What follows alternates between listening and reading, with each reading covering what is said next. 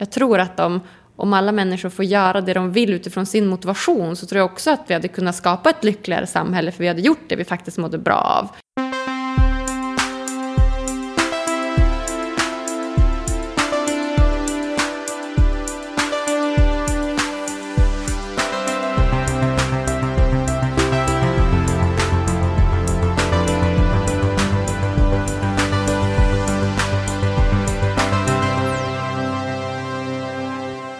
Välkommen tillbaka till Heja Framtiden där Christian von Essen sitter i min mysiga kitchen studio på Roslagsgatan i Stockholm. Mittemot Agnes Sjöström. Välkommen till podden. Tack snälla Christian, kul att vara här. Tack själv för att du kom förbi. Du har varit på examensfest. Det har jag, det har jag. Här i lördags hade vi examensfest. Jag har ju tagit min eh, masterexamen i psykologi. Och du är egentligen baserad i Umeå. Exakt, det är jag just nu saknar Stockholm brutalt mycket nu, mm. märker jag, när jag kommer hit. Det är ju fantastiskt fint väder och eh, så mycket folk överallt och träffat så många härliga människor nu här. Så att, eh, ja, jag bodde ju här för ett år sedan under kanske två år. Men av ja, corona och andra, andra dragningskrafter så, så hamnade jag i Umeå igen. Ja, nu ska vi tillbaks. Om en timme. Exakt, om en timme går tåget. Men då passar vi på att podda lite. Du driver ju eh, ett, en plattform kan man säga och projekt som heter Lyckopodden. Eh, kan inte du berätta lite bakgrund till det? Hur eh, kom du in i det projektet? Mm, jo, absolut. Eh, det var egentligen att, ja, men som sagt så läser jag psykologi och hade ett Instagram-samarbete tillsammans med en kille som heter Fredrik Ankarsköld sen tidigare i ett annat projekt. Och sen så ja, växte min Instagram lite grann och så gästade jag lite olika poddar, så liksom lite mindre poddar kommer jag ihåg. Och sen så var jag i Fredriksväg precis när de sökte ny programledare till Lyckopodden. Så att eh, då frågade han mig om jag ville vara programledare och sa rungande ja. Kändes ju superkul. Och eh, har du eh, tagit över stafettpinnen för gott nu eller kommer Fredrik tillbaks eller hur ser det ut? Ja men exakt, nej men alltså, han är med lite grann i bakgrunden skulle jag säga. Han är min lilla sidekick. Så att, det är jag som driver den liksom, och gör, gör allting. Um, och sen hjälper han till med mycket tekniskt och mycket så. Hemsida är han väldigt bra på. Han är bra på, han har lärt mig väldigt mycket ljudredigering och, och bild och ta fina, mycket pressbilder är han som tar och så. Så han är med lite grann i, i bakgrunden och, och hjälper till. Men det, jag skulle vilja säga att det, jag, jag håller i stafettpinnen hårt. Mm. Och podden har ju växt på rätt bra och nu ska du eh, starta ett inkubatorprogram som jag förstår för att eh, konkretisera det här som en affärsverksamhet. Ja men exakt, det stämmer. Jag känner det att nu, nu blir det som ett nytt kapitel i mitt liv då när jag, när jag har pluggat klart min master här och eh, har ett, ett jobb på sidan om. Men, men skulle jättegärna vilja vilja göra Lyckopodden till en lite större plattform just för att jag vet att det behövs. Det är ju faktiskt över en miljon människor här i Sverige som lider av depression bland annat, så att den psykiska ohälsan är ju väldigt, väldigt utbredd. Så att eh, det känns verkligen som något som, som Sverige behöver och eh, det vill jag jättegärna kunna ge. Mm. Hur många avsnitt har du gjort nu? Nu har jag gjort ungefär 70 och podden totalt har 170 ungefär. Mm. Mm. Kan man säga något om en röd tråd? quick fix för lycka. Exakt, quick fix för pengar. lycka. Hur gör man? Exakt, pengar. pengar. exakt, exakt. Tjäna mycket pengar och ha ett bra jobb och mycket status. Nej. Nej, tyvärr inte. Utan eh, det handlar ju mycket om framförallt och liksom medvetenhet och fundera på vad vill jag? Det handlar väl mycket om, om att gå tillbaka till självet, till jaget och fundera vad vill jag? Och det låter kanske enkelt men eh, vi lever ju i ett samhälle med mycket olika distraktioner i form av olika normer och i form av liksom, ja, men, olika samhällsstrukturer som gör att ibland kan det vara svårt. Vi har ju, vi har ju jobb som gärna sätter in oss i en slags ram där vi ska jobba 8-17 för att få någon slags heltidslön och vi har ju olika normer i samhället som säger att så här ska vi bete oss och inte bete oss. Och, så att överlag tror jag att försöka gå till sig själv och fråga vad vill jag? Eh, några bra tips där som jag själv använder mig av det är ju meditation till exempel. Som är en väldigt bra form av metod för att just komma tillbaka till nuet och försöka träna mycket på självdisciplin, att rikta sin uppmärksamhet mot det, det man faktiskt vill och, och hela den biten. Ja, men, någonstans distansera sig lite från tankarna som, som snurrar på. Så det tycker jag är väldigt bra. Och sen skriva. Skriva ner saker. Vad, vad vill jag? Och så skriver man ner det på ett papper och radar upp och ser väldigt tydligt att så här, just det, det är faktiskt det här jag vill. Och så att man kan försöka fortsätta sin väg framåt från det. Har din syn på lycka förändrats under den här tiden? Du har ju liksom pluggat psykologi samtidigt som du har drivit det här projektet. Mm. tror inte att det har förändrats, men jag, jag har lärt mig väldigt mycket. Eh, så att när jag, när jag började läsa psykologi och, så fastnar jag ju speciellt för den positiva psykologin. Och, och då är ju lycka ett, ett stort begrepp. Och att förstå eh, en vetenskaplig liksom, definition på lycka har hjälpt mig väldigt mycket.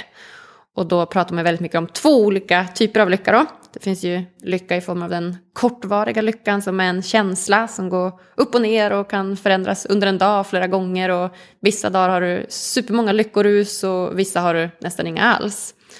Och den är ju mer kortvarig och, och, och dyker upp lite, lite nu och då, oftast när du gör det i samband med något som du tycker är kul. Och sen har du ju då lycka i form av en mer bestående, långvarig, långsiktig lycka som man kan mäta mer med tillfredsställelse eller nöjdhet på ett sätt. Och eh, att, att ha en, liksom, en balans mellan de två, det tror jag är en viktig nyckel. Mm. Jag kommer ihåg, jag gästade ju din podd, eh, när var det? Ett halvår sedan kanske? Ja, men exakt. Eller ett år sedan, jag vet ja. inte. Um, jag pratade lite om min bok och sådär. Jag kommer ihåg att jag, att jag nämnde då mina två ljud som jag har. Eh, som jag, man skulle kunna, om jag hade en digital assistent, skulle den kunna avgöra min lyckonivå. Just det. Dels är det det lilla fnisset. Som, ja. eh, som är det här lyckoruset som är kortvarigt som du säger. När det går upp för en så här, fy fan vad bra det är. Ja. och sen är det, är det suckandet. Oh, stånkandet. När det är trögt och tungt och mycket press och deadlines och så här. Jag tycker det är en ganska bra måttstock egentligen på var man befinner sig. Och ofta så handlar det ju om att, om det, som du säger med mätning och nöjdhet och tillfredsställelse. Det är ju ofta i, i relation till vad man förstår att man inte har varit så nöjd och tillfredsställd kanske. De här små mätningarna kan ju tyckas lite ovidkommande här och nu. Men när man gör dem varje vecka, flera års tid, då kan man ju se mönster. Verkligen. Verkligen, det tror jag verkligen. Och det är som du säger, det är alltid att man, du behöver ju jämföra med någonting, hur du har mått tidigare. Så jag kan tänka mig att det också därför är många eh, personer som har varit med om väldigt starka psykiska trauman eller varit med om dödsfall eller liksom någon olycka eller några sådana starka upplevelser. Det är, det är oftast de som, som lär sig också vad lycka är. Så, att, eh, så att det ligger ju något fint faktiskt i, i i olyckor också. Även om jag inte önskar någon det.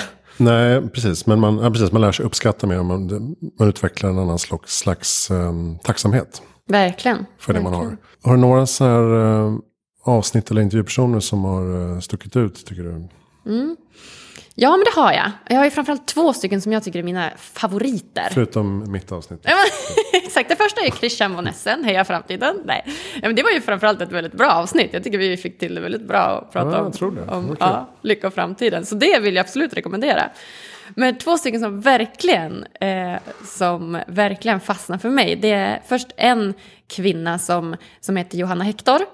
Hon eh, bor i Göteborg. Hon är eh, yogainstruktör och eh, driver Soul Work Club och är med i Global Yoga. Så hon är, skulle säga, en av Sveriges liksom, främsta yogaexperter eller yogaledare. Hon, hon, är, hon är riktigt, riktigt grym. Hon har en, en lång morgonritual som är sådär, du vet, tre timmar där hon har lagt in det ena och det andra. Allt ifrån dödsmeditationer till eh, daglig onani till mm.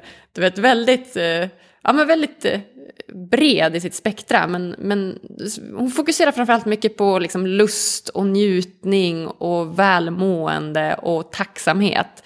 Så att eh, det, det var ett avsnitt som var väldigt, väldigt, väldigt bra. Just för att Ja, men också för att jag tror att samhället överlag är väldigt så här, prestationsfokuserade och drivs väldigt mycket och det som är längre fram och det är jobb och det är karriär som du sa, pengar.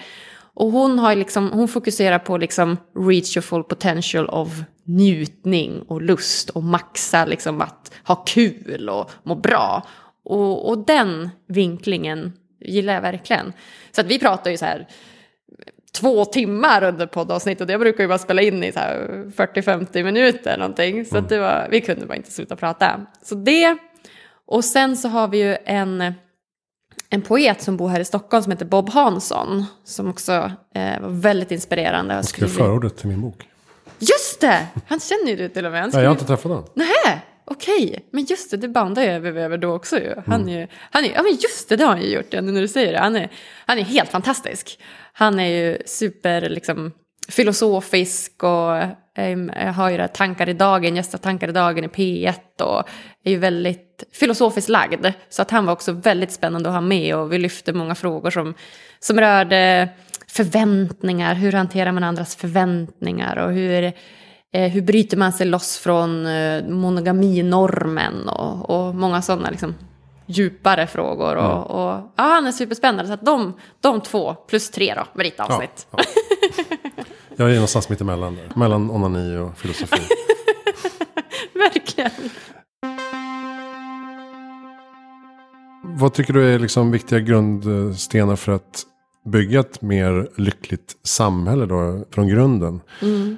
Det är lätt att säga att alla ska meditera, men man kanske ska få in sådana verktyg tidigare i skolan och så? Eller? Ja, jag menar alltså verkligen. Det är ju på, på samhällsnivå, det är ju svårt att göra någon slags samhällsförändring, men men det, det jag hade verkligen velat satsa på om jag skulle göra något, det är ju just skolorna. Alltså få in mental träning, mental coachning tidigt i åldern och, och egentligen börja, börja dagen och, och sluta dagen med någon slags liksom, men, reflektion och medvetenhet om vad var mitt mål den här dagen, vad vill jag nå, hur långt kom jag? Och även, även tacksamhet och liksom välmående överlag. Att kanske börja skoldagen med att skriva ner tre saker man är tacksam för. Och, och verkligen flytta fokus lite grann bara från liksom mattebokens 1 plus 1 är 2 till välmående, välmående generellt. Så, så det skulle jag vilja göra i skolor. Och sen så tror jag att personlig utveckling överlag kommer vara viktigt även i företag och företagsutveckling. Och att man har eh, ja, men nära relation med, med liksom chefer och coacher och att man på något sätt kan ha någon slags varje månad åtminstone någon slags uppföljning med någon slags coach slash psykolog som, som då kan hjälpa en med ens mående kanske både på, på jobbet men också privat. För vi vet ju att mår du bra privat så kan du också prestera. Mm. Så att jag, skulle, jag skulle verkligen önska att det fick ta, ta mer plats i samhället. Så. Mm. Vad säger eh, den psykologiska inriktningen med positiv psykologi. Vad säger den om just eh, sådana här typer av knep? Eller kan man, kan man tänka sig lyckligare mm. genom egna mentala övningar? Mm. Ja, eh, det, det kan man. Det, det kan man. Och det finns ju olika, olika typer av sådana liksom kognitiva övningar man kan göra där man tränar hjärnan i att tänka på olika sätt. För för rent biologiskt har vi en liten uppförsbacke. Vi är ju utformade för att leta efter faror och hot och tigrar i buskarna som idag har blivit deadlines och andra, andra saker. Så, att, så att det finns många bra metoder och, och, och en av de metoderna som är alldeles gratis som, som man kan göra alldeles själv eh, det är en metod som heter The Work på engelska som är inspirerad av Byron Katie som är en, en stor internationell Eh, person, författare, föreläsare som, som går ut på att just tänka sig lycklig kan man säga. Eller i vart fall i vart fall utmana sina negativa tankar. Och jag spelade in ett avsnitt tillsammans med en tjej som heter Karin Ulveson här eh, alldeles nyss. Som på, gör då den här metoden The Work på svenska. Så det kan man lyssna på om man vill dyka ner mer i det. Men, men jag tror att det är ett sätt att att bli lite mer lyckligare. Sen, sen tror jag inte att det passar alla heller att tänka sig lycklig, utan jag tror att det finns en viktig aspekt i om man då distanserar liksom tanken från kroppen. Jag tror, att, jag tror att kroppen också kan göra oss lyckliga. Jag tror att genom att, att lyssna på våra sinnen, att gå ut i naturen och lyssna på fåglarna eller att se solen eller att känna gräset mellan tårna. Jag tror att många sådana basala liksom, känslor där vi använder vår kropp också gör oss lyckliga. För det tar oss väldigt mycket tillbaka till här och nu. Jag kan själv känna en press emellanåt att så här, men tänk bara så här så blir det lycklig, eller tänk bara si och så så blir det lycklig. Och, och det stämmer ju till en viss del, men det kan också bli väldigt pressat. Att så här, oh, nu måste jag tänka på det här sättet, shit nu har jag en negativ, eller negativ känsla, nu måste jag tänka bort den. Mm. Och då kan det ibland vara fint att att faktiskt använda vår kropp och våra känslor och känna dem. Det tror jag också är en väldigt bra metod för att, för att lära sig att vara lite lyckligare. Mm, men lite som du var inne på i början med eh, kortsiktig och långsiktig lycka. Jag tror inte man ska underskatta de här små kortsiktiga lyckostunderna heller. För att uppackumulerat så leder ju det till långsiktig lycka om man har många små eh, och kan unna sig att ta emot dem så att säga. Verkligen. Och vara öppen för det. Sen är det klart att eh, det inte räcker men det kan i alla fall inspirera kanske till vad man faktiskt behöver och vill ha. Ja men verkligen. Många pratar ju om det här med att vi måste skapa, är bättre på att skapa mening och syfte med det vi gör. Och um, att vi inte bara ska, liksom, ja, men som du är inne på, koppla arbetet till ens identitet. Att jag är jurist och därför så är jag liksom fast i det. Utan vi gör hela tiden och vi kan göra andra saker. Och vi kan välja. Men hur hittar man den här eh, meningen då? Det är det som är lite svårt. Mm. Det känns som så här begrepp som man slänger sig med nu. Att, syfte och mening måste vi ha. Mm. Och folk bara, ja, jag vet inte. Vad är det liksom? Ja, men alltså, jag håller med. Det, det kan vara svårt ibland. Och om jag går till mig själv, vad är min mening? Jag, jag finner ju väldigt mycket mening i att driva podden. Jag finner väldigt mycket mening i mitt jobb som jag fått som rekryteringsassistent. Tycker jag är väldigt kul. Jag finner mening i, i att lära mig någonting. Liksom, nu har jag pluggat i flera, flera år och finner väldigt mycket mening i att lära mig saker. Så oftast är det någon, någon slags strävan eller någon slags, något som du tycker är kul som du kan göra mer av och antingen då bidra till din egen utveckling eller framförallt till andra.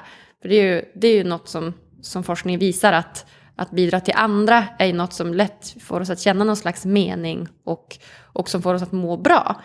Så att om man känner så här, åh gud jag har ingen mening med livet, jag, jag saknar liksom syfte, då hade jag egentligen börjat med att skriva ner så här, vad, vad vill jag, vad vill jag göra? Och sen utgå från de sakerna, så här, ja, men jag vill bidra till andra till exempel. All right, hur kan jag göra det? Och så börjar man fundera på det. Så här, men jag tycker faktiskt att det är intressant att prata med människor. All right, hur kan jag liksom prata med människor och bidra? Och då är podd ett bra alternativ. Men så att man mm. får som brainstorma lite grann, testa sig fram. Ja, precis. Istället för att hela tiden leta efter vilket yrke ska jag ha. Eh, vad ska jag göra? Vad ska jag bli? Som jag tror många fastnar i. Verkligen. 100 procent. Att ja, men igen utgå från sig själv. Och verkligen så här, ja, men vad, vad vill jag? Vad tycker jag känns mm. meningsfullt? Ja, för nu, jag menar, jag är ju 40 plus. Ser ut som 25. ja. um, 40 plus, fan är jag? Jag fyller 42. 42. Och mm. um, nej, men, våra kompisar börjar ju kanske nu, uh, man kanske har gjort karriär, börjar nu hamna lite i vägval och så här, ifrågasätta. Och undra vad man ska göra när man blir stor ungefär. Uh, och det där tänker jag kommer ju alltid. Jag tror vi alltid kommer hålla på så här. Och ifrågasätta och byta och tröttna och tänka nytt. Så det finns ju ingen så här silver bullet riktigt. Det kanske är just små utvecklingssprång Istället för att tro att man ska ändra hela livet radikalt. Jag vet inte. Det fanns det var ett citat som äh, läste den här um, Adam Grants nya bok som heter Think Again. Mm -hmm. Som handlar om konsten att kunna ombestämma sig och uh, tänka om. Mm. Um, bryta från uh, ingrodda föreställningar om saker. Just det. Och just att uh, mening och syfte är då mer uh, viktigt än att jaga lycka. Mm. Att jaga lycka för mycket leder till att man blir ganska olycklig. Mm. Kan du känna igen det? Verkligen. 100 procent. Alltså verkligen. Det har jag gjort jättemycket i den här, ja men, i den här lyckoparadoxen som jag har varit inne i. Det här med att driva Lyckopodden, behöva vara den lyckligaste personen på jorden, du vet, plugga psykologi och mm. läsa det här. Och så att jag har haft väldigt mycket press och känt att oh, jag måste ha de här lyckostunderna, de här kortvariga, du vet stunderna nästan hela tiden. Och, och, så fort jag liksom kände att så här, nej, men nu idag känner jag mig lite loj och lite seg. Då var det som att nej, nej, nej, tillät mig inte alls vara det. Ja, exakt, misslyckas. Nej, nej, nej, jag kan inte vara det. Och då mm. slår jag nästan på mig själv ännu mer för det. Och du vet, så, ah, varför kan du inte bara vara lycklig? Och du vet så. Så att verkligen, så att jag tror att det är som sagt en viktig del det här med om vi delar upp lycka i två saker igen. Det här lyckokänslorna, lyckoruset med den här meningsfullheten. Att det är viktigt att också ha den här meningsfullheten och den, den strävan i sig kan göra att vi blir lyckliga. Det behöver inte alltid vara att vi ska nå fram till det där målet. Utan ibland är det ju då vägen i sig som är lyckan. Mm. Och sen att ha någonstans att sträva. Så att det, det är viktigt. Precis, jag kom på en annan sak, annan sak som han har sagt i den här boken. Att det inte handlar så mycket om var man är någonstans. Man, tror, man skyller ofta på sin omgivning och så att jag måste flytta för att eh, det här, jag är inte lycklig här. Uh, actions är viktigare än surroundings. Alltså att det du gör uh, är viktigare och du kan förändra det du gör. Du kan engagera dig i andra sociala sammanhang eller hitta andra intressen. Och sen också att passions are developed, not discovered. Att man kanske inte bara kommer att plötsligt en dag hitta sin passion utan att man faktiskt kultiverar och utvecklar sin passion. Verkligen, det var bra. Ehm, ja, men från, från små frön av intresse. Att, mm. Eh, som du säger, att man kanske tycker om att träffa människor. Ja, okej, hur kan man göra det på ett, ett kul sätt? Och sen mm. så kanske det blir någon slags passion som är eh, hållbar på sikt. Mm. Ja, det är inte så lätt att hitta Nej, mm. nej det quick fix lösning. Nej, nej, men det är det inte. Men, men att det hade ju varit drömmigt på tal om framtiden. Att, att kunna bygga någon slags framtid på människors passion.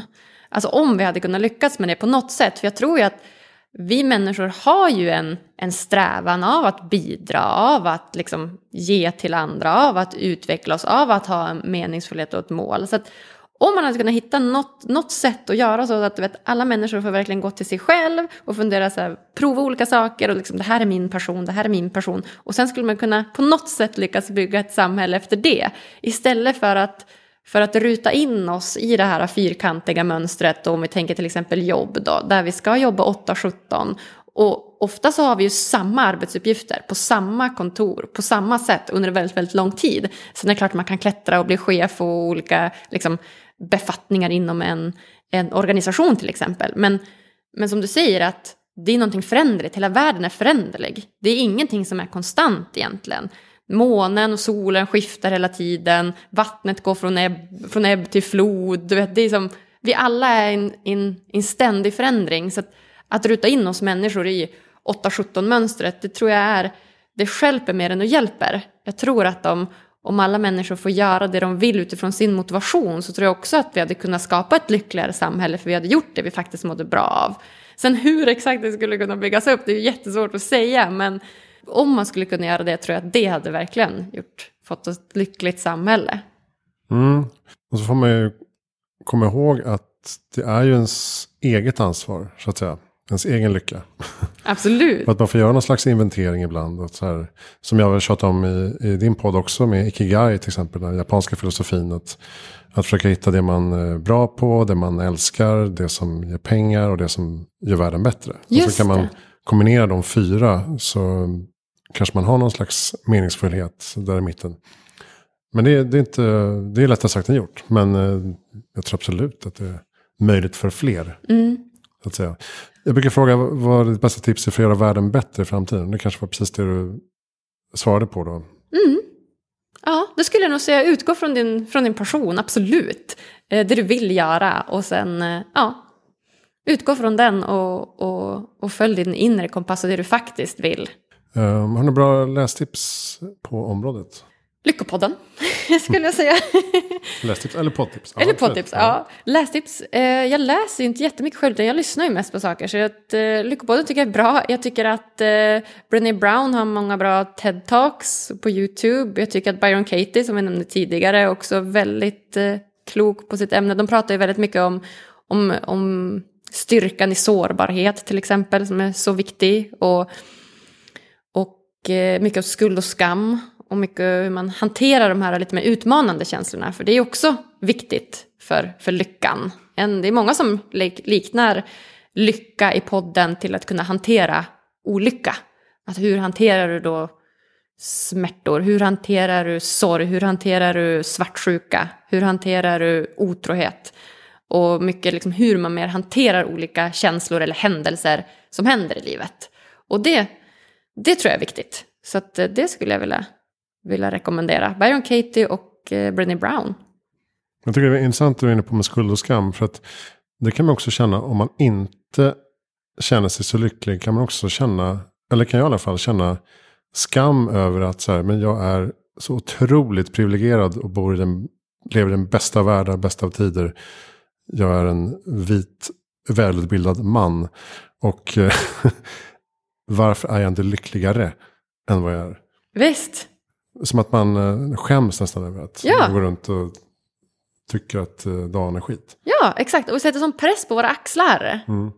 Ja, verkligen. Och jag, jag håller helt med dig där att, att det är exakt i princip det jag gjorde med mig själv också med podden. Alltså, åh, nu har jag podden och jag läser psykologi, masternivå, kandidatnivå. Nu måste jag vara den lyckligaste personen i världen. Och först tyckte jag att det var superskamfullt.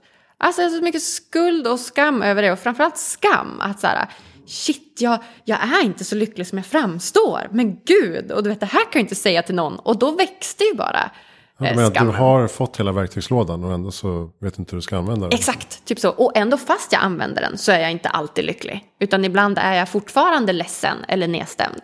Så mycket den, att så här, trots att jag gör allt som jag lärt mig och försöker så är jag ändå inte så här jättelycklig hela tiden.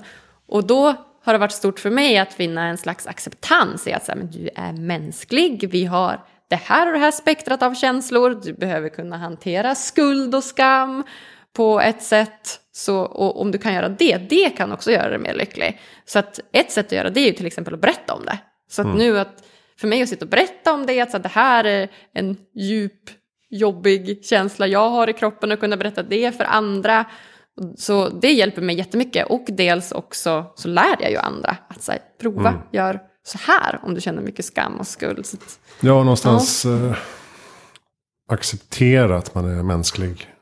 Exakt. Och att man inte kan styra allting. Jag pratade med min psykologkompis för några veckor sedan bara. För att jag, jag märkte att jag gick runt och jag hade en massa deadlines och projekt och, som tyngde mig. Och så gick runt och, och liksom hade någon slags självhat eh, mm. i att så här, ja, inget vettigt fick jag gjort idag heller. Också, så jävla dålig. Ja. Alltså, jag dissar mig själv jättemycket. Ja. Som, så här, som någon slags röst i huvudet. Så bara, var kommer det ifrån? Jag har ju liksom bra självförtroende och eh, vet att allt kommer lösa sig. Men det där var jag liksom inte van vid riktigt. Och han, det enda han kunde säga var ju så här, men bara acceptera att inte allting blir perfekt och att här, ja, det här var en dålig dag, imorgon blir bättre. Ser det som att eh, oj, det här var en jobbig känsla, släpper vi den vidare och sådär. Bara chilla lite. Mm. Ja men alltså hundra procent. För att man sätter för mycket press. press. Ja, på sig själv. Nej men alltså hundra procent. Och det, det, den där pressen är liksom, det är verkligen ett, något förödande och gör oss väldigt olyckliga. Och som du säger, jag tror att acceptans är ett en nyckelbegrepp där. Att verkligen kunna finna mer acceptans i, i mer saker. Och det är inte alltid lätt. Utan det kan ju vara svårt och ibland att säga åh gud nu lyckades jag inte med den här deadline, jag måste skjuta på det och att man liksom slår på sig själv för det. Istället för att säga ja, nej, jag lyckades inte den här gången, men jag kommer ju lyckas sen. Och jag mm. lyckades inte för att jag hade ju de här och de här deadlinesen och de klarar jag. Eller så här, ja, nej, nu klarar jag inte den här deadlinen för jag ville ha tid med min familj. Eller jag ville göra det här, jag prioriterade det istället. Vi har ju bara liksom 24 timmar om dygnet, vi har ju inte mer. Så att, att kunna finna den acceptansen och det, det pratar vi också om i podden här alldeles nyss. Att eh, ja, men, acceptans, harmoni, fred, hur viktigt, hur viktigt det är för lyckan. Och att det är nog också någonting som, som verkligen bidrar till, till lycka.